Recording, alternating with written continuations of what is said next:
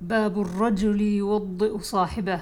عن أسامة بن زيد. أن رسول الله صلى الله عليه وسلم لما أفاض من عرفة عدل إلى الشعب فقضى حاجته. قال أسامة فجعلت أصب عليه ويتوضأ. فقلت يا رسول الله أتصلي؟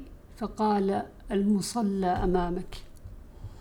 وعن المغيرة بن شعبة أنه كان مع رسول الله صلى الله عليه وسلم في سفر وأنه ذهب لحاجة له وأن مغيرة جعل يصب الماء عليه وهو يتوضأ فغسل وجهه ويديه ومسح برأسه ومسح على الخفين.